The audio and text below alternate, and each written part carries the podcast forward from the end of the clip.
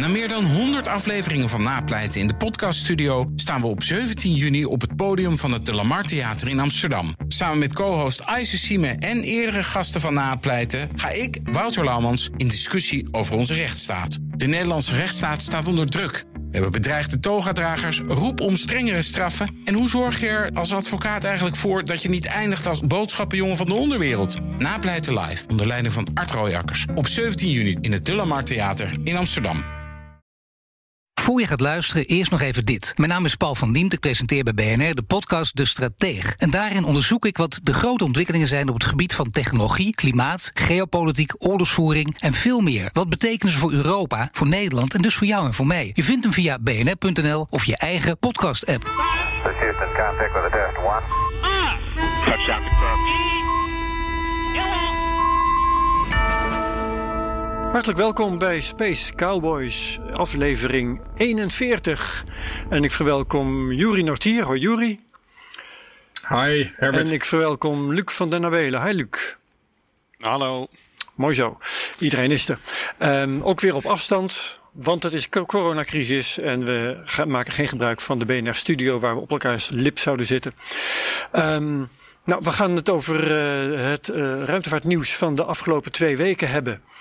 En ehm, ik stel voor, eh, ja, wa- wat zit er allemaal in? Ehm, we gaan het hebben over eh, de, het effect van het coronavirus op de ruimtevaart. Dat doen we elke week. We gaan het hebben over Artemis. We gaan het hebben over ehm, de, eh, hoe heet het? De, de avonturen van SpaceX. Ehm Juri, Luc, wat hebben jullie nog meer voor ons in het vat? Heel in het kort. Boeing, daar is weer van alles om te doen. En wat luchtiger nieuws, eh, NASA en het NASA-logo zijn ook in het nieuws. Oh, dat is ook geweldig. En Juri, wat heb jij nog voor ons? Eh, ik heb weer een, eh, helaas een wat minder nieuws uit het Verre Oosten, uit China. Weer iets misgegaan met de lancering van een raket. En ik wou heel even de aandacht vestigen op Rocket Lab, want die hebben iets heel interessants gedaan. Oké, en wat ik nog heb, dat is eh, de laatste bevindingen over Oumuamua. Weten jullie nog, eh, in de tijd dat we Space Cowboys in het Engels deden, kwam dat ding voor ons langs zuizen in het zonnestelsel, was zo weer weg. En eh, er is nu intussen beter gekeken naar de data over dat eh, object dat van buiten het zonnestelsel kwam, wat het waarschijnlijk is geweest. Dat kan ik zo direct vertellen. Oké, ehm, laten we eerst even, dan hebben we dat maar vast uit de weg, het, hebben over de laatste coronavirus-effecten in de ruimtevaart. Ik geloof, Juri, dat jij daar wat over had. Luc, Ja, vorige keer- Nou, allebei dus. Oké, vorige keer noemden we ook al dat er, eh, dat, er, dat er natuurlijk overal over de hele wereld lanceringen worden uitgesteld. Je ziet dat India heeft alles platgelegd, eh, Frankrijk heeft alles platgelegd. We zien nu ook in de Verenigde Staten dat er echt lanceringen op langere termijn eh, worden uitgesteld. Er zou eigenlijk vorige week een nieuwe GPS-navigatiesatelliet gelanceerd worden door SpaceX deze keer. Is uitgesteld tot ergens in juni. Dus er worden nog wel lanceringen gepland vanuit, vanuit Cape Canaveral. Maar echt alles begint ook in de Verenigde Staten nu zo goed als ja, plat komen te liggen. En dat Ja. gaat wel effecten hebben op missies voor de rest van het jaar. Oké. En Luc, wat heb jij te melden op dit gebied? Ehm, ja, de, ehm, dit eh, virus eh, gaat ook eh, de Indiase ruimtevaart een beetje Oh ja. dwars zitten. India heeft plannen om ehm, in 2022 een bemande capsule te lanceren. De Gaganyaan gaat dat apparaat heten. Uiterlijk lijkt hij een beetje op een verkleinde versie van, van de Orion. Ook met vier van die uitstekende zonnepanelen. Er zijn op het ogenblik vier luchtmachtpiloten uit India bezig om te trainen in ehm, het eh, eh, trainingscentrum van Roscosmos in Sterrenstad, even buiten Moskou. Maar ook dat is eh, platgelegd. En ehm, ja, ISRO, de ehm, Indische ruimtevaartorganisatie, houdt vol van het zal geen impact hebben op, op de deadline. We blijven in 2022 vliegen. Maar dat verhaal, dat kennen we natuurlijk. Ik zie jou ook Dus, eh, hartelijk lachen, eh, ja, Ja, wat krijgt bijna een toeval. Ja, ik moet heel eerlijk zeggen, elke keer als eh, men van ISRO, dus de Indiase ruimtevaartorganisatie, zegt dat het geen effect op de planning zou hebben, dan is het tegenovergestelde vaak waar. Ja. Eh, ik moet heel eerlijk zeggen, ik ben erg gecharmeerd door het Indiase ruimtevaartprogramma. Maar hun eh, planning is wel echt abominabel. Echt alles raakt altijd uitgesteld. En elke belofte die wordt eigenlijk niet nagekomen. Juist, oké. Luc, jij was midden in een betoog. Um, nou nee, dit, dit was het dat eigenlijk. Dat was het zo'n beetje, uh, oké. wat dat ja. betreft. Dus, nee, het blijft gewoon eventjes afwachten wat, wat India wil gaan doen. Ze hebben gigantische grote plannen. Een tijdje geleden hebben ze een, een, een schaalmodel van dat ruimteschip laten zien. En dat zat dan vast aan een heel ruimtelaboratorium. Dus als we dat mogen geloven, dan gloort er een gouden toekomst voor de bemande Indiase ruimte. Ja, maar dat klinkt ook alweer heel sceptisch. Uh, dat heb je goed gehoord. Ja, oké. Okay. dus dat laboratorium, dat, uh, enfin, dat uh, misschien de volgende eeuw of zo.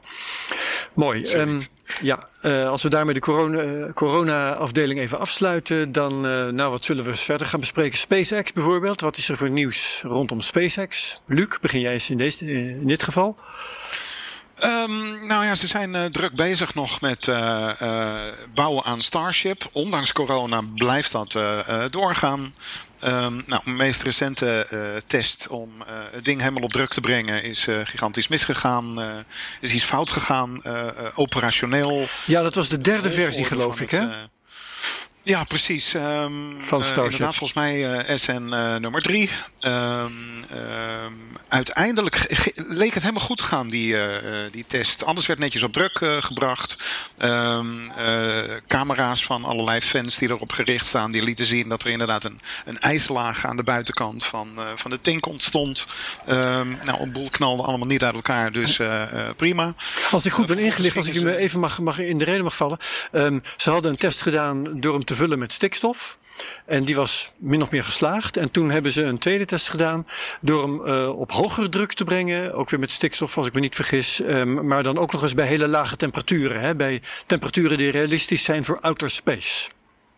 Ja, ja, precies. Nou, dat verliep allemaal netjes volgens plan. En men was eigenlijk bezig om uh, de test af te sluiten. En vervolgens is er iets fout gegaan in de volgorde van het leeg laten lopen van die tanken. Oh, het, ging, het ging pas mis bij tanks. het afsluiten van het experiment. Ja. Ah. Uh, er zitten twee tanks boven elkaar in die zilveren cilinder. En uh, per abuis is de onderste tank als eerste leeggemaakt. Um, nou, dan verliest het ding dus ook aan stevigheid. En uh, ja, de boel is eigenlijk gewoon in elkaar gezakt en geïmplodeerd. Ja, en op de bewuste dus, video uh, zie je ook als een bierblikje in elkaar kreukelen. Hè? Dat is best precies. wel een mooi gezicht en, eigenlijk. Ja. Het levert fantastische plaatjes op. Uh, ja. Feeriek verlicht in het donker, uh, veel rook. Dus uh, wat dat betreft hoge amusementswaarde. Maar um, nou ja, nummer drie is dus ook naar de schroothoop verwezen. Alhoewel er wel in het onderste stuk waar de motoren geplaatst zouden moeten worden. dat is onbeschadigd gebleven. Daar gaan ze onderdelen van herbruiken in SN nummer vier. Die ze op het ogenblik aan het samenbouwen zijn. En ja. nou, met een beetje geluk is dat ding binnen, binnen twee weken af. En uh, kan twee... er een nieuwe poging beginnen. Juri. Zijn, zijn, nou, zijn nou twee weken? Dat zou, zou zomaar kunnen. Uh, ik geloof dat. Uh, ja, dat, dat is die timmerwerkplaats, hè? Boink, boink, boink. Ja, het, uh, ze, hebben, ze hebben inderdaad van die metalen ringetjes genoeg liggen. Nou, die stapel je op. je zet er een, een, neuskegel en een staart aan. En dan is het klaar. Zo lijkt het in ieder geval te gaan. en vergeet niet, Elon Musk wil natuurlijk uiteindelijk elke week zo'n ding bouwen. Dus dit is een mooie oefening. Ja, elke week een lanceerwaardig exemplaar. Hè? Dat is voor de. Precies, verdere toekomst hebben we het dan over. Ja, ja precies. Jury, jij iets aan te vullen op SpaceX? Nou, ik heb goed nieuws over SpaceX en ook goed nieuws uh, als het gaat om de coronacrisis. Ik heb het idee dat we echt aan de vooravond staan van een hele belangrijke lancering van SpaceX, namelijk de Crew Dragon. Uh, eerder deze week oh ja. uh, kwam Jim Bridenstine, de baas van NASA, met de mededeling dat het er echt naar uitziet dat we eind mei, misschien begin juni, de eerste versie van de Crew Dragon gaan lanceren. En het mooie daarbij. En dat is, is de capsule die. Um, bemanningen naar het ruimtestation moet uh, gaan vervoeren in plaats van de Soyuz. Hè, zodat Amerika weer een eigen capability heeft daarvoor. Klopt, ja. Uh, SpaceX zorgt natuurlijk al voor bevoorrading van het ISS via hun uh, normale Dragon-capsule. Uh, eens in de twee, drie maanden gaat er een keer zo'n capsule naar het ISS met nieuwe experimenten, voedsel, nieuwe kleding, dat soort zaken. En die komt ook weer terug op aarde met de resultaten van de experimenten. maar wat SpaceX ook heeft gekregen is een contract van NASA om bemanning naar het ISS te brengen. En vorig jaar hebben ze daar een eerste test voor gedaan, onbemand. Die liep goed. Toen in april wilden ze de noodmotoren van die capsule testen. Dat ging helemaal fout. De capsule explodeerde tijdens die test. Dus dat zorgde voor een enorme vertraging. Ze hadden ook nog wat problemen met uh, de parachutes, die uh, tot op recentelijk zelfs uh, bij tests, daar, ging, daar ging wat mis mee. Niet met de parachute zelf, maar wel met de testopzet.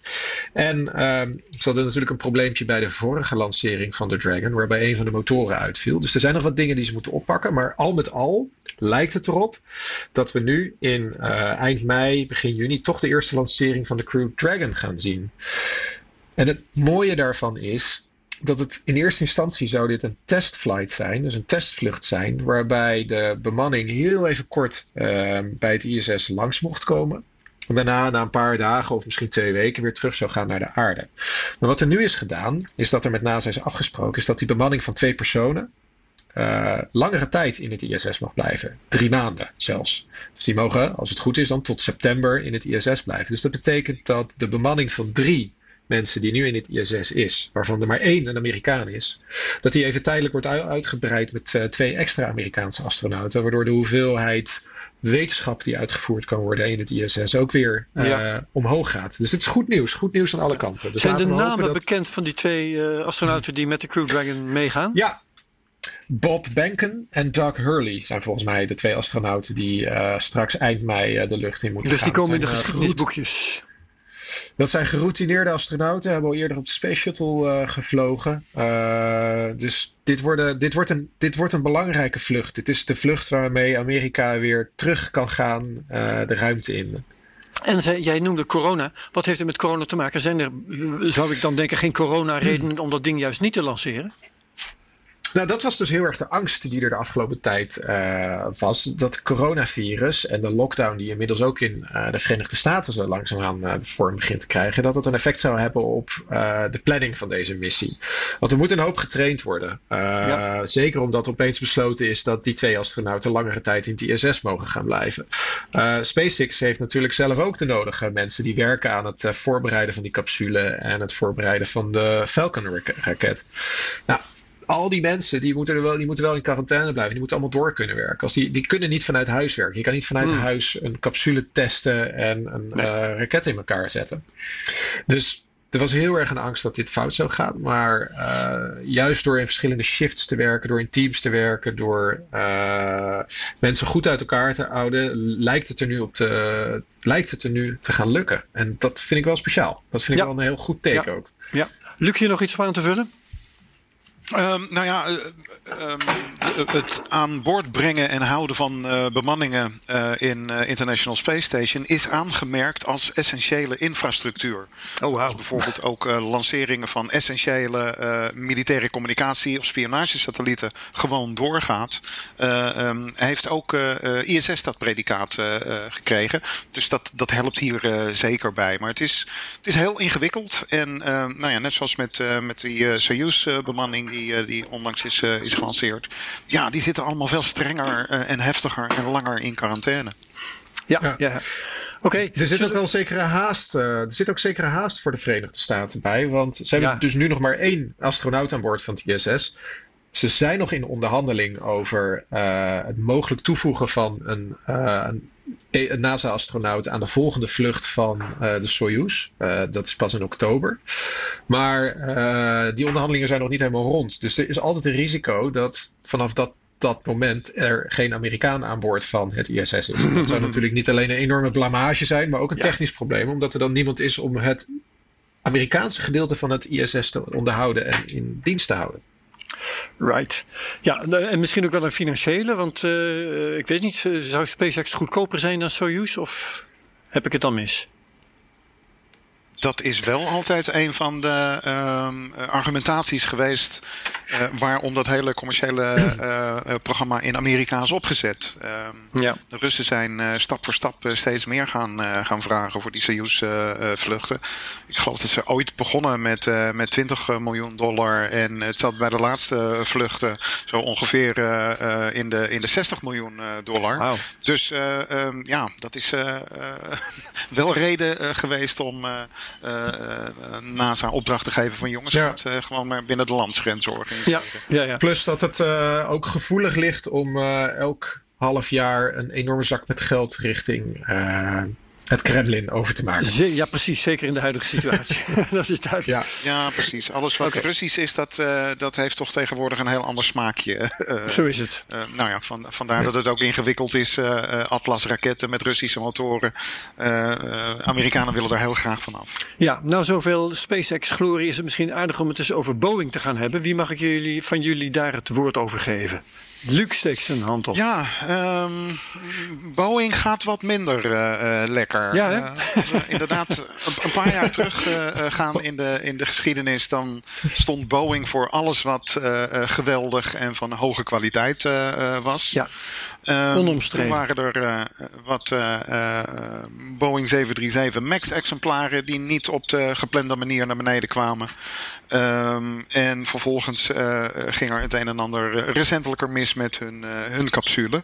Eh, nou ja, zeg maar de concurrent of de, de aanvullende eh, machine naast de, wat SpaceX doet voor de commerciële transport van astronauten naar, naar ISS. Ehm, bij de eerste missie vorig jaar ehm, eh, ging de lancering goed. Eh, tot eh, op het moment van het afstoten van, eh, van de capsule. Daar ging iets fout in synchronisatie van de, de boordklok. Ja. Vervolgens waren er nog andere softwareproblemen die in standregeling de boel in de war schopten. Nou, betekende dat een van de grote doelen van die testvlucht, namelijk rendezvous en koppelen met het ruimtestation, niet door kon gaan. Nou, dat heeft eh, een hele hoop eh, gedoe opgeleverd. Het heeft lang geduurd eer dat eh, eh, NASA en Boeing besloten van, nou, we gaan die vlucht helemaal opnieuw doen. Ehm, die staat dan voor deze herfst eh, gepland, in ieder geval na augustus. En dat betekent dat het ja, vrijwel onmogelijk is om nog dit jaar een bemande vlucht eh, van, eh, van Boeing te verwachten. Ehm, nou, dat eh, werkt ook weer nadelig in wat Jori net zei. Van, eh, NASA probeert er van alles aan te doen om eh, het aantal eh, astronauten aan boord wat omhoog te krikken. Ehm, deze capsule zou vier astronauten omhoog eh, eh, kunnen brengen. En potentieel daarmee eh, de standbemanning van eh, ISS ook uit kunnen breiden tot zeven eh, personen.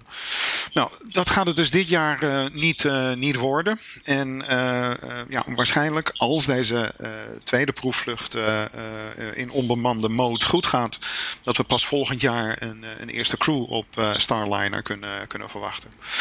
Nou, toen kwam er nog wat meer naar buiten. Ehm, we noemden in de vorige aflevering dat SpaceX ook een, een vrachtcapsule aan het ontwikkelen is die uiteindelijk naar de Gateway moet gaan. Het ruimtestation wat eh, in een wat verdere toekomst eh, in een baan om de maan gebracht moet, eh, moet Ja. worden. Het blijkt nu dat Boeing ook heeft geboden op dat contract. En het contract, is, of tenminste het aanbod, is zo ongeveer terzijde gelegd door NASA. Die zeiden het is technisch niet goed genoeg. En het is ook nog eens een keertje de duurste. Dus ehm, nou ja, dat opgeteld bij alle perikelen Ja. rondom SLS. Vele eh, eh, malen eh, vertraagd en ver over, over budget. Dus Boeing heeft ja, eigenlijk een, een engeltje nodig om ze weer in wat beter vaarwater Ja, te brengen. en die, die afwijzing van dat plan voor die, dat, dat vrachtvervoer naar de gateway was echt heel gênant. Hè? Want ehm, het, het, het plan is wel ingediend, maar het is uiteindelijk niet eens overwogen wegens gebrek aan kwaliteit. Hè? Het was gewoon niet Ja. goed genoeg om, te, om, om in aanmerking te nemen zelfs. Nee, precies. En dat is, eh, nou ja, ik kan, me- ik kan me En dat is nog openbaar dat, eh, gemaakt ook. Ook dat. Ehm, nou ja, eh, Boeing zal wel zoiets hebben van, nou, dat kan er ook nog wel eh, bij. Na ja, nou, de luchtvaart, afgelopen luchtvaartperikelen. Ja. Oeh. En dit, Ja, dit was wel het bedrijf dat ooit hofleverancier was van NASA. Ze Ja, hebben zo ontzettend veel voor ze ontwikkeld. En nog steeds zitten ze natuurlijk eh, met zeer veel contracten heel diep eh, in de buidels van NASA. Maar Wie van jullie weet, weet uit zijn hoofd een paar ehm, historische mijlpalen van Boeing? Eh, ik weet niet, eh, bepaalde onderdelen van Apollo-vluchten of zo. Er zijn vast dingen die. Ja, Boeing was eh, eerste trap van de Saturnus 5. Ehm, uiteindelijk, ehm, Rockwell was hoofdaannemer van de Space Shuttle, maar dat is ook Boeing eh, eh, geworden. Boeing is hoofdaannemer van Space Station. Natuurlijk Juist. zijn er heel veel subcontractors bij, eh, eh, bij geweest. En eh, ja, Boeing was, was de eerste die eh, ehm, eh, eigenlijk succesvol was in het pitchen van wij gaan een bemande commerciële capsule voor jullie bouwen. Ja, ja, ja. En er is heel lang ja, een beetje gespeculeerd van oké, ehm, eh, SpaceX bleek ook zo'n capsule te kunnen bouwen. En ze, het leek erop dat ze gelijktijdig klaar zouden zijn om bemand eh, te lanceren. En er werd door heel veel mensen van uitgegaan van nou, natuurlijk gaat Boeing dat doen. Want NASA heeft gewoon zo'n sterke relatie met, eh, met die jongens. Ja. Die geven ze gewoon voorrang. Ja, en nu hebben, ze, hebben ze ontzettend het nakijken. Dus dat is wel een hele nieuwe ervaring voor me. Komen ze terug, denken jullie? Nou, er moet wel heel veel gebeuren. Er moet echt heel veel gebeuren. Ik zie, in de, ik zie in de komende periode zie ik even geen grote nieuwe projecten waar zij een belangrijke rol in kunnen gaan spelen. De bedrijfscultuur Ik- is nogal naar de kloot, heb ik de indruk. Ja. hè? Management is En zodanig. ik merk dat- ook de belangrijkste modules bijvoorbeeld voor eh, het Gateway, dus eh, het ruimtestation wat straks om de maan moet gaan draaien, die zijn ook alweer vergeven. En dat is Hm. naar concurrenten gegaan. Nog Eh, eentje niet. Nog eentje niet. De, eh, de lander. De maanlander. Ja. Oh, Eh, Maar daar zijn natuurlijk ook- concept- Er zijn ook veel kapers op de kust daarvoor. Ja, absoluut. Zeker. eh, eh, Bigelow eh, eh, of ehm, eh, Blue Origin heeft natuurlijk nou, in ieder geval de daaltrap al een tijd geleden gepresenteerd als van dit is een platform waar we van alles mee naar de maan kunnen transporteren en ook crew.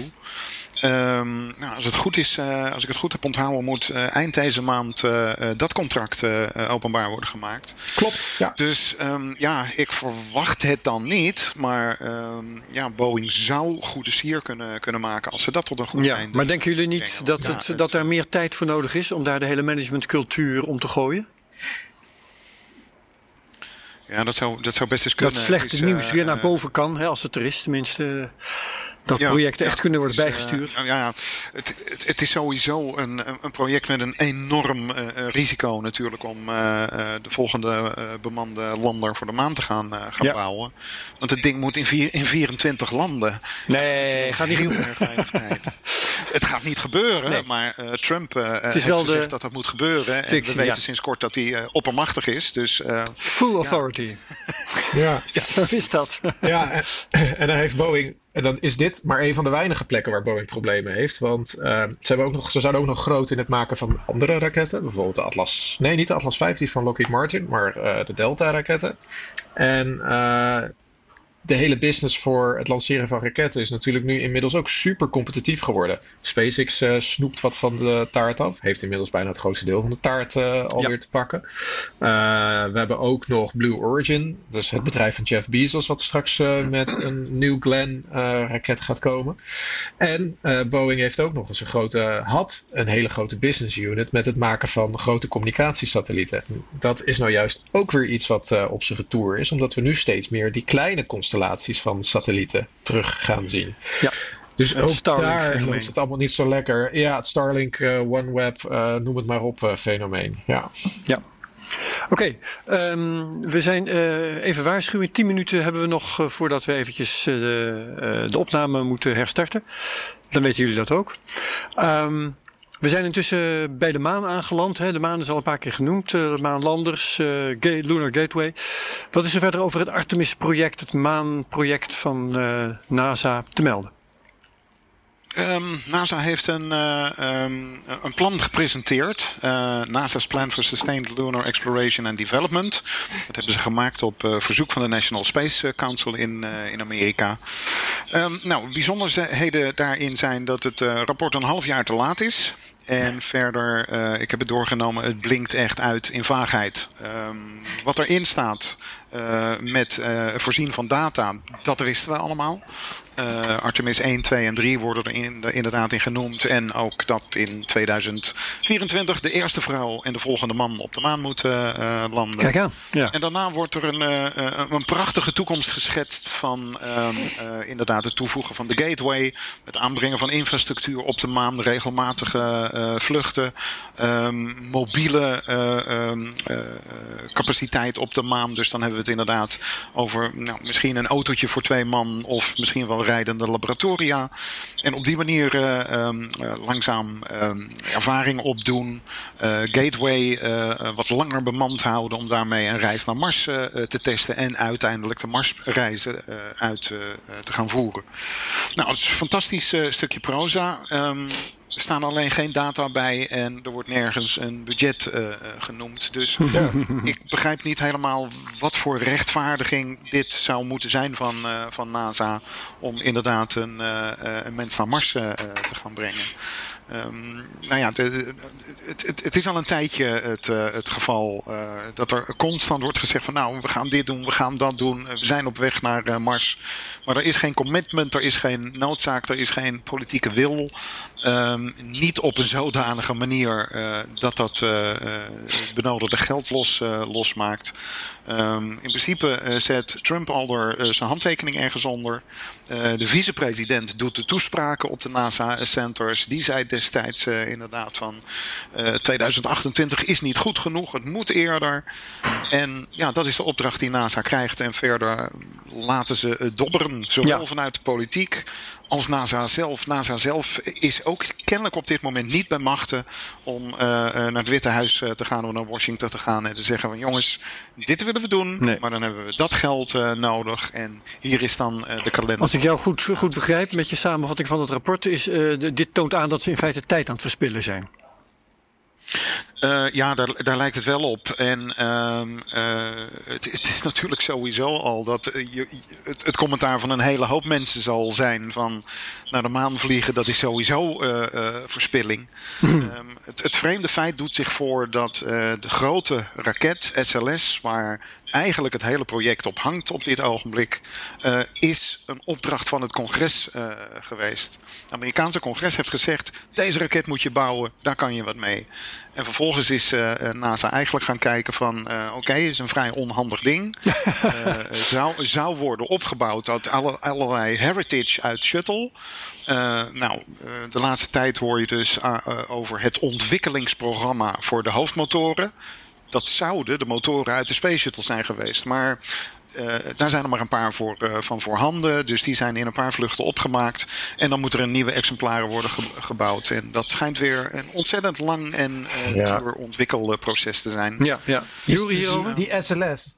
Ja, is die SLS, is het niet gewoon, even hele uh, unpopular opinion, is het niet gewoon een socialistisch werkverschaffingsproces? Nou, dat is natuurlijk een, uh, een zienswijze die al uh, stamt vanuit het Shuttle-project. de Shuttle is destijds door doorgedrukt. niet zozeer omdat Nixon het belangrijk vond, maar hij zei van nou, als we dat ding nou laten bouwen in Californië, dan, dan, levert dat heel veel arbeidsplaatsen op. Daar zit een hele hoop van mijn stemmers. Laten we het op die manier maar doen. en kijk, dat is inderdaad moet zeggen, een beetje de cynische uh, zienswijze als het zeker over bemande ruimtevaart gaat. Bemande ruimtevaart is er om um, de industrie bezig te houden. Die kunnen lekker lang bezig zijn met projecten ontwikkelen. Het is er toch ook om het publiek eigenlijk... mee te krijgen, of niet? Bemande ruimtevaart. Nee. Nee? Nee, ik denk, ik denk het niet. Ik denk ook niet dat uh, uh, de eerstvolgende maanlanding een gigantisch PR-succes uh, gaat worden. Het is niet nieuw. We hebben het in de jaren ja. 60 en 70 gedaan. Bovendien, vergis je niet, een hele hoop mensen bekijken ruimtevaart door de ogen van science fiction films dat zijn ze gewend aan de, de indruk. En dat overtref je niet, hè? dat overtref je never nooit meer. Oké, okay. goed. Um, zullen we de maan hiermee afsluiten? Hebben we nog meer vaste, ik weet het even niet uit mijn hoofd, nog meer vaste projecten bij te houden? Jury, Luc, of nee. zullen we met de losse berichten verder gaan? Jury, wat heb jij nog voor ons? Ja, ik denk dat het goed is om heel even te kijken naar China. Uh, ik heb ook nog wat kleine ja. updates over de kleinere lanceerbedrijven. Uh, uh, maar dat is misschien voor na de break even. Prima. Um, China. Vorige week hebben ze geprobeerd om een Indonesische communicatiesatelliet te lanceren. Nou, normaal gesproken zou ik dat allemaal niet zo interessant vinden. Alleen deze ging mis. -hmm. En dat is de tweede keer in een maand dat er een lancering vanuit China misgaat. Wat er gebeurde is dat de eerste twee trappen deden perfect hun werk. Ehm, alleen bij het ontsteken van de derde trap, of tijdens het ontsteken van de derde trap, is er iets misgegaan.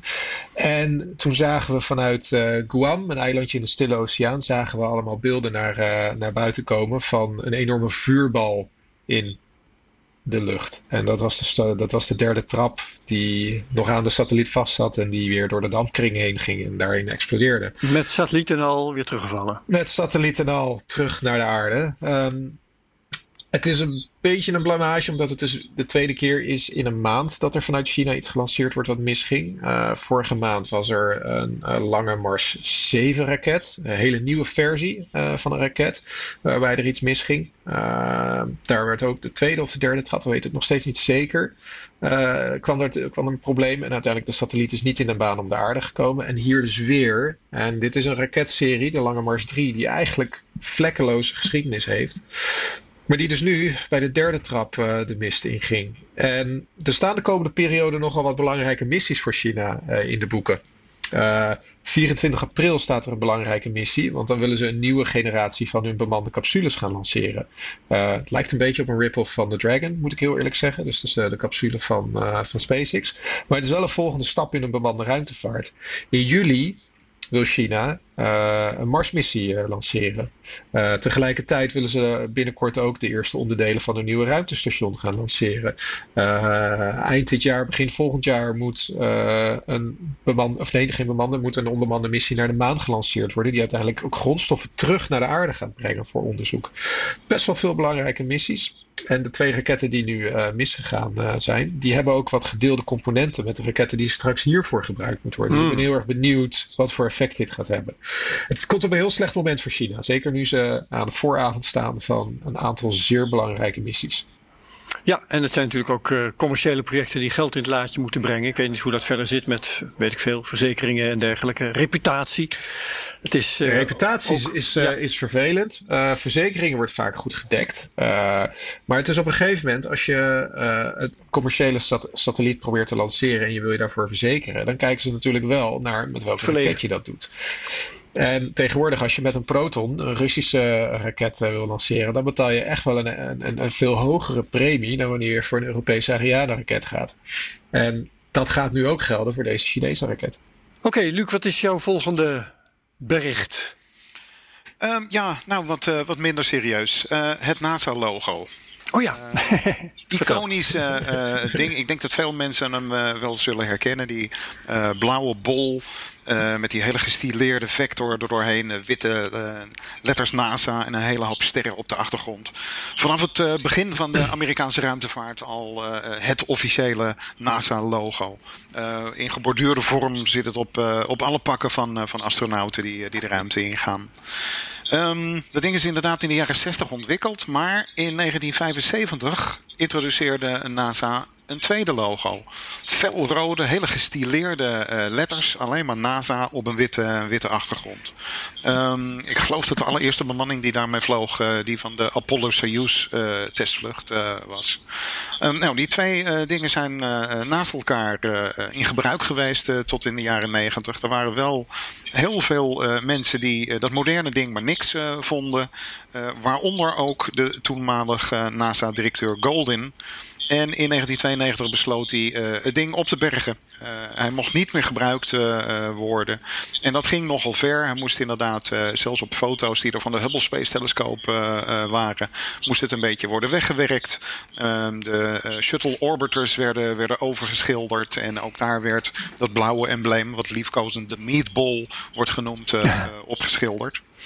Um, verrassend genoeg, een paar jaar geleden uh, um, uh, gaf NASA ineens hun logo's vrij, ook voor commercieel gebruik. Vandaar dat je de laatste uh, jaren heel veel op t-shirts en hoodies en dat soort dingen ja, ik wou net, ziet. Ik net zeggen, ik zie super veel ja, t-shirts en, en, jongeren met hippe NASA-shirts. Ja, denk ik altijd, ja, inderdaad. Goed dus, bezig. nou, mijn hart altijd wat van, Ja, dat van, voor mij ook, ja. dus dat vind ik heel goed om te zien.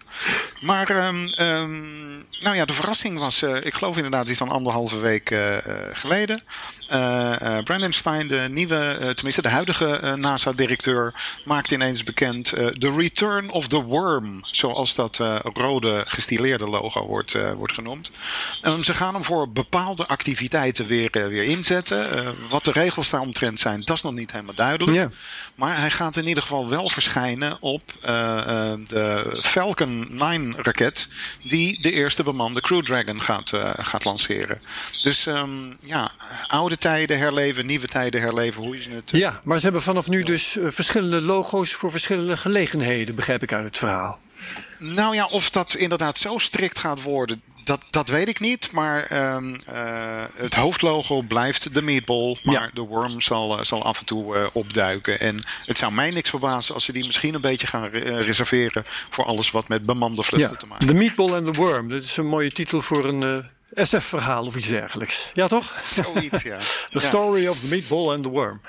Nou ja, goed. Um, laat ik mezelf even het woord geven, want ik wil, wil jullie bijpraten over Oumuamua. Had ik net beloofd. Uh, korte inhoud van het voorafgaande. Het was um, uh, medio vorig jaar dat dat ding opeens uh, het zonnestelsel binnenkwam zweven. En aan de snelheid en zo kon je afleiden dat die van buiten het zonnestelsel kwam. Een hyperbolische baan, zoals dat heet. En had een aantal hele wonderlijke eigenschappen. Bijvoorbeeld een vrij snelle wisseling en vrij heftige ook wisseling in helderheid de hele tijd. Waaruit werd afgeleid dat hij langwerpig moest zijn. nou, en afkomstig van, uh, van buiten het zonnestelsel en langwerpig. Nou, toen begonnen allerlei mensen te denken aan, uh, dat zal toch niet een raket zijn. Uh, overigens raketten die um, met een bepaald doel hier komen, die zullen niet om, hun, om, om een verkeerde as gaan wentelen. Dat je die helderheidsvariaties krijgt, maar oké. Misschien wel een in onbruik geraakte raket. Alles is natuurlijk mogelijk. En dat ding dat was ook, had zijn komst niet aangekondigd.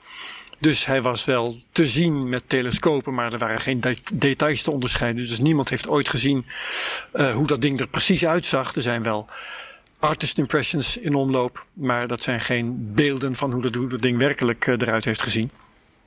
In elk geval, die is dus vrij snel alweer in de interstellaire ruimte verdwenen.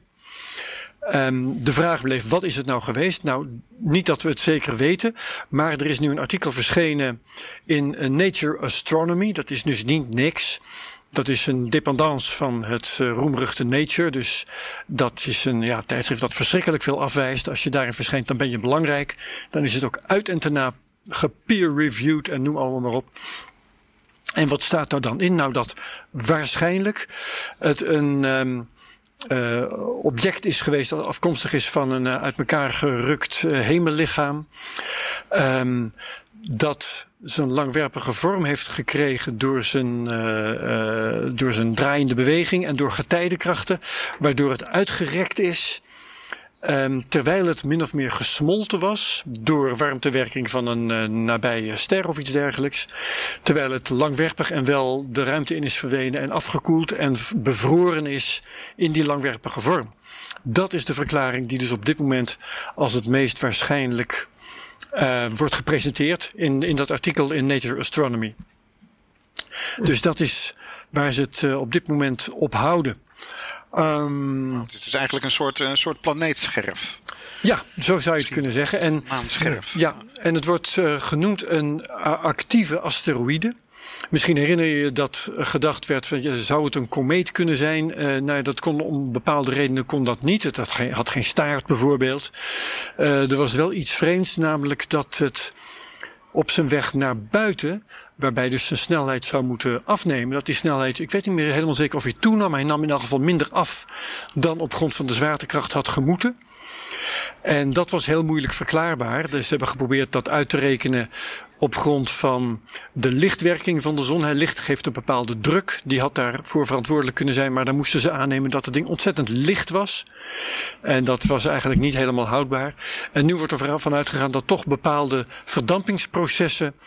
Um, die uh, toename van de snelheid of die uh, te geringe afname van de snelheid hebben veroorzaakt.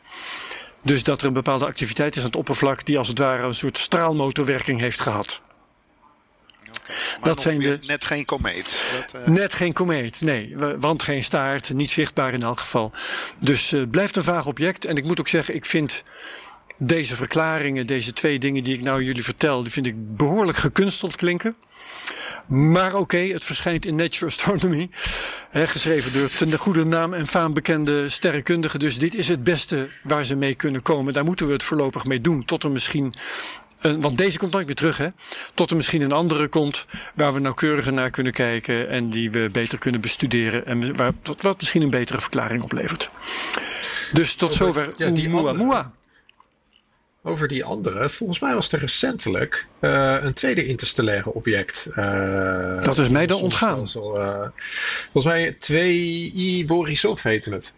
ik moet eerlijk hm. zeggen dat ik er te weinig van weet. en volgens mij was dit wel een komeet. Dachten ze ieder geval een uitgedoofde komeet. Ja. Dus, ja, ik, ik moet er even wat meer, wat meer induiken. Maar het is misschien interessant om de volgende keer eens te kijken wat daar allemaal over bekend is. Ja, als je kans ziet om uh, daar iets over op te diepen, dan graag. Maar dan houden we dat van je te goed. Ja, zeker. Is goed. In, intussen is het uh, voer voor science fiction schrijvers. Dat is natuurlijk. Dit ook, ja. helemaal, helemaal als je hoort dat het versnelt. Ja, ik denk gelijk aan uh, plasma-raket. Nee, nou. ja, nou, precies. Ik bedoel, dit was zo'n raar ding. In, in, in alle opzichten. De vorm, uh, de, nou ja, de, alle speculaties daarover. Dat verloop van de snelheid. Er waren heel veel vreemde dingen. Die toch, moet je toch zeggen, maar heel moeizaam verklaard kunnen worden. Zelfs in Nature Astronomy. Precies. Ja, dus het wordt de meatball en de worm en nog? Wat zeg je, Luc? Leeft Erik van Deneken? Erik van Deneken. Oh, ja, van waren de grote cosmonauten? Ik weet het niet, maar die had er vast iets heel moois van gemaakt. Dat denk ik ook wel, ja. Ja, oké. Wie heeft nog een mooi verhaal, een mooi bericht? Ik heb of zijn we allemaal uitgepierd? Nee, ik heb nog één klein uh, laatste dingetje. Um, laatste ronde. Helaas weer, uh, weer Trump uh, naar voren halen. Als het maar negatief is. Hij is. precies. hij um, heeft verklaard dat Amerika maar eens delfstoffen moet gaan halen op, op de maan. Tuurlijk. En hij zegt van nee hoor, dat, dat mogen wij. terwijl er toch allerlei verdragen zijn die stipuleren van de maan is van niemand. En uh, er werd destijds zo nadrukkelijk gezegd van het feit dat de Apollo-astronauten een vlag hebben neergezet, is alleen maar om aan te geven dat we er geweest zijn. Niet dat we daar land hebben geclaimd. Mm, dus uh, commercieel zomaar je gang gaan. Volgens mij kan dat nog niet. Maar ja, nou, dit is een van de, de, een van de gevechtjes die de president start. En ik ben heel benieuwd naar het staartje wat dat gaat krijgen. Ja, Juri. We hebben, we hebben in Nederland hebben we volgens mij ook een expert, Tanja. Ik weet even de Ja, Tanja Masson. Die over ruimte. Ja, over Die is de gast geweest in een eerdere Space Cowboys. Ja. En ik zal zo vertellen uh, wat, wat, ze daar uh, heeft uitgelegd, maar jij eerst. Wat, uh, wat, ik, wat ik laatst ook heb gehoord, is dat ze in Luxemburg is de overheid ook zeer geïnteresseerd in het nou ja, winnen van grondstoffen buiten de dampkring. En dat ze daar ook hebben gekeken naar hoe ze dat in hemelsnaam letterlijk kunnen inbedden. En daar kwamen ze tot de conclusie dat uh, de interstellaire ruimte, maar ook andere planeten, dat ze dat eigenlijk veel meer willen zien als uh, de oceanen. Dus uh, het midden van de, de intercom, ja, het is eigenlijk de grote ja. oceanen. En daar geldt volgens mij nu dat als je daar iets vindt, dat het voor jou is. Daar komt het inderdaad op neer. En ja. um, wat Tanja ons toen heeft uitgelegd, dat, is, uh, um, dat was een recente Amerikaanse wet die dus door het congres is aangenomen, die uh, in, dan moet ik het even uit mijn hoofd doen hoor, maar die in essentie zegt dat uh, wat je weghaalt van een hemellichaam, dat is van jou. En ja, nogmaals, een Amerikaanse wet. Dus, hè, dus de rest van de wereld heeft die wet niet aangenomen. En het is, uh, het is niet per se in overeenstemming met de ruimteverdragen die er al zijn. Dus dat is een beetje lastig. Maar je kunt dus wel zeggen dat Amerika zich dat recht heeft toegeëigend. Dat je dus uh, wat je aantreft en oppakt en meeneemt van een of ander hemellichaam, dat je dat inderdaad mee kunt nemen en als jouw eigendom mag beschouwen. En dat klopt wel ongeveer met wat jij zegt, Jury, van uh, hoe de oceanen worden behandeld. Want ik geloof dat in internationale wateren, daar mag je ook vissen wat je wil, hè? En uh, ja. dan mag je volgens mij ook van de zeebodem oprapen wat je wil. Dat klopt ongeveer met elkaar. Maar misschien moeten we daar ook nog even wat nauwkeuriger naar kijken. En misschien Tanja Masson nog eventjes daar het haar over laten zeggen. Ja. Had jij nog een verhaal, Juri, of is het hiermee ik heb, nee, ik heb, twee, ik heb nog twee leuke verhalen. Ja. Um, wat we de afgelopen jaren zien, is dat er steeds meer uh, bedrijven uit de grond schieten die kleine raketten aanbieden. Kleine raketten waarmee je mm -hmm. max 100, 100 kilogram in een baan om de aarde kan brengen. Heel erg interessant voor uh, partijen die maar kleine CubeSats, van die kleine vierkante satellietjes uh, ja. willen lanceren. Of voor bedrijven en organisaties die heel snel iets in de ruimte willen brengen. Dus die echt in spannen van een paar weken, vanaf het moment dat het contract wordt getekend tot aan de lancering, echt iets willen uitvoeren. Nou, er zijn er een paar van in de, in de wereld. En een van de grootste en de meest succesvolle is Rocket Lab. Rocket Lab is opgezet door uh, Peter Beck, een ingenieur uit Nieuw-Zeeland. Um, en zij zijn uh, een paar jaar geleden begonnen met het bouwen van uh, de Electron-raket. En de Electron-raket bestaat, is eigenlijk een mini-versie van de Falcon de, van SpaceX. Het heeft ook een aantal kleine motoren onderin, ja. twee, twee uh, trappen en kan max 150 kilo in een baan om de aarde brengen. Ze zijn er in 2018 mee begonnen met lanceren. Inmiddels lukt het, is het ze gelukt om eens in de twee maanden een keer zo'n uh, zo'n raket te lanceren. Ze hebben een interessant businessmodel. En nu waren ze op zoek naar de volgende stap. En de volgende stap voor Rocket Lab was om die raket te gaan hergebruiken. Net als SpaceX. Nou, SpaceX landt een raket op een platform in de zee of op de plek waar de raket gelanceerd is, dus Cape Canaveral. Uh, de Electron-raket van, uh, van Rocket Lab die is te klein daarvoor om terug te keren naar de basis, naar de plek waar die vandaan kwam. Dus ze hebben een andere methode ontwikkeld. Wat zij gaan doen is de eerste trap van de raket gaan zij terug de dampkring in laten brengen. Vervolgens uh, ontvouwen ze een parachute, waardoor die uh, op een paar honderd meter, een paar kilometer boven de zee uh, blijft bungelen. Dan sturen ze er een helikopter op af. En die helikopter die plukt dan eigenlijk die eerste trap van die raket. Met parachute en al uit de lucht. En brengt hem weer terug naar de lanceerbasis. Okay. Waar die raket weer opnieuw gebruikt kan worden. Het is dus hetzelfde trucje van als SpaceX heeft uitgevonden om raketten te hergebruiken. Alleen een andere techniek. Ja, de, uiteindelijk de manier waarop het terugkomt is, een, is, is heel anders. Uh, ook Zou dit goedkoper zijn? Want, want je hoeft nu niet die, die raket precies op een of ander platform neer te zetten. Je plukt hem uit de lucht. Ja. Dat scheelt misschien, weet ik veel, uh, software of brandstof of uh, verzin maar iets. Het scheelt sowieso brandstof. Uh, je moet er uiteindelijk nog wel een helikopter uh, naartoe laten vliegen die, ja. hem, uh, die je meeneemt. Kijk, en, en de, de, de marges waar Rocket Lab mee, mee vecht zijn veel kleiner dan de marges van SpaceX. Dus zij moeten echt veel meer op de kosten letten. maar dit is wel voor hun een manier om ervoor te zorgen dat zij een raket kunnen hergebruiken. En ik vond het ja. fascinerend om te zien, omdat ze dus vorige week, nee twee weken geleden, hebben ze dus, is, hebben ze dus een, een test gedaan waarbij ze geprobeerd hebben om zo'n eerste trap met parachute en al uit de lucht te plukken. En dat is gelukt. Ja, dus volgend eerste jaar, keer, hè? Eerste poging. Later dit jaar. Ja, de eerste Daar kan SpaceX je punt wel vaker doen. Ja, dit gaan ze natuurlijk wel vaker doen, deze test. Maar het idee is dan om eind dit jaar, begin volgend jaar, om dat dan ook voor het eerst met een gelanceerde raket te doen. Dus die dus buiten de dampkring komt, weer terugkomt en dan wordt. Voor het EGI. Voor het EGI. Ik vind het fascinerend, omdat de laatste ja. keer dat we dit soort dingen hebben gezien, volgens mij in de jaren 60 gebeurde dit wel eens met uh, spionagesatellieten van de Verenigde Staten, die oh, ja. aan om de aarde zweefden. En uh, toen was er nog geen. capsules. Ja, de Discovery, de Corona-capsules heette die toevallig. ja. En uh, wat daar gebeurde is, er waren nog geen digitale camera's. Dus die spionagesatellieten werden in een baan om de aarde gebracht. Die namen foto's nog op fotorolletjes. En die fotorolletjes ja. moesten op een of andere manier terug naar de aarde komen. Dus er werd eens in de zoveel tijd werd er dan een klein capsuletje werd er uitgepoept eigenlijk uit die uh, satelliet. Die ging uh, terug, uh, terug de dampkring in. En die moest toen ook door een vliegtuig, terwijl die aan een parachute in, moest die opgepakt worden. Dus voordat de Russen er mee aan de haal gingen. En die zaten natuurlijk ook te azen. Ja, ja, ja, ja. Is wel eens gebeurd dat de Russen een Amerikaans filmpje inpikten? Nee, maar er is volgens mij wel een boek over geschreven, Ice Station Zebra. Uh, waarbij uh, zo'n capsule uh, op Antarctica is geland. En dat er een soort van race ontstaat tussen, tussen Russen en Amerikanen. Oh ja. Wie heeft hem het eerst? Terug te halen. dus dit was natuurlijk uh, Stuff of Legends, om het zo maar te zeggen. Leuk hoor. Maar ja, het wordt dus nu voor een, voor een leuker doeleinde gebruikt. En het is dus het hergebruiken van de eerste trap van Rocket Labs Electron raket. Ja, nou. leuk. In de categorie kleine lanceerbedrijven die kleine raketten lanceren, hebben we ook nog Virgin Orbit. Virgin Orbit is van Richard Branson, die volgens mij echt in alles zit tegenwoordig. Uh, nou, natuurlijk Virgin Galactic, waarmee we met een klein uh, toestelletje 100 kilometer de lucht in kunnen gaan en kunnen genieten van de, de ronding van de aarde. Maar Virgin Orbit is een klein uh, bedrijfje waarbij hij een raket heeft ontwikkeld die onderaan een vliegtuig wordt gekoppeld. Dat vliegtuig vliegt dan naar nou, 10, 12 kilometer hoogte. En vanaf dat moment wordt dus die raket eigenlijk losgelaten door het vliegtuig, ontsteekt dan zijn motor en schiet dan de atmosfeer in. het is eigenlijk al een kickstart van de eerste 10, 12 kilometer. Ja.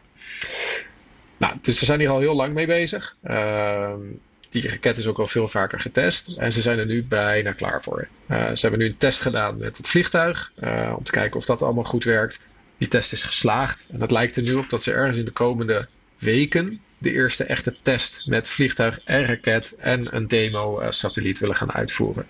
Kijk ik ook naar uit, want uh, het is altijd interessant om te zien. Uh, Zo'n raket die van een vliegtuig wordt losgelaten. Ja. En dan uh, midden in de lucht zijn, zijn motoren ontbrandt ja. en wegschiet. Virgin doet dat toch ook met zijn toeristische raket, hè? Ja, die worden ook. Die worden in een White Knight, ook een klein, een best wel groot vliegtuig trouwens, worden die tot op zekere hoogte gebracht. Ja. Dan laten ze de het vliegtuigje waar de toeristen in komen te zitten, laat ze dan los en die schiet dan weg. En Orbital ATK, inmiddels heet dat Northrop Grumman Innovation Systems, die heeft ook een raket, de Pegasus-raket. En daar doen ze het al sinds de jaren 90. Dus het is wel een, eh, een beproefde methode. Ja, ja, ja. Oké, mooi. Nou, als er niks meer is, dan uh, gaan we het hierbij laten. Ik dank ja. uh, je wel, Jury. Ik dank je wel, Luc van der Nabelen. Mijn naam is Herbert Blankenstein. Dit was Space Cowboys nummer 41. En uh, we zien en horen iedereen graag terug over twee weken bij de volgende Space Cowboys. Dankjewel allemaal. Doei. Dankjewel. Hoi hoi. Hoi.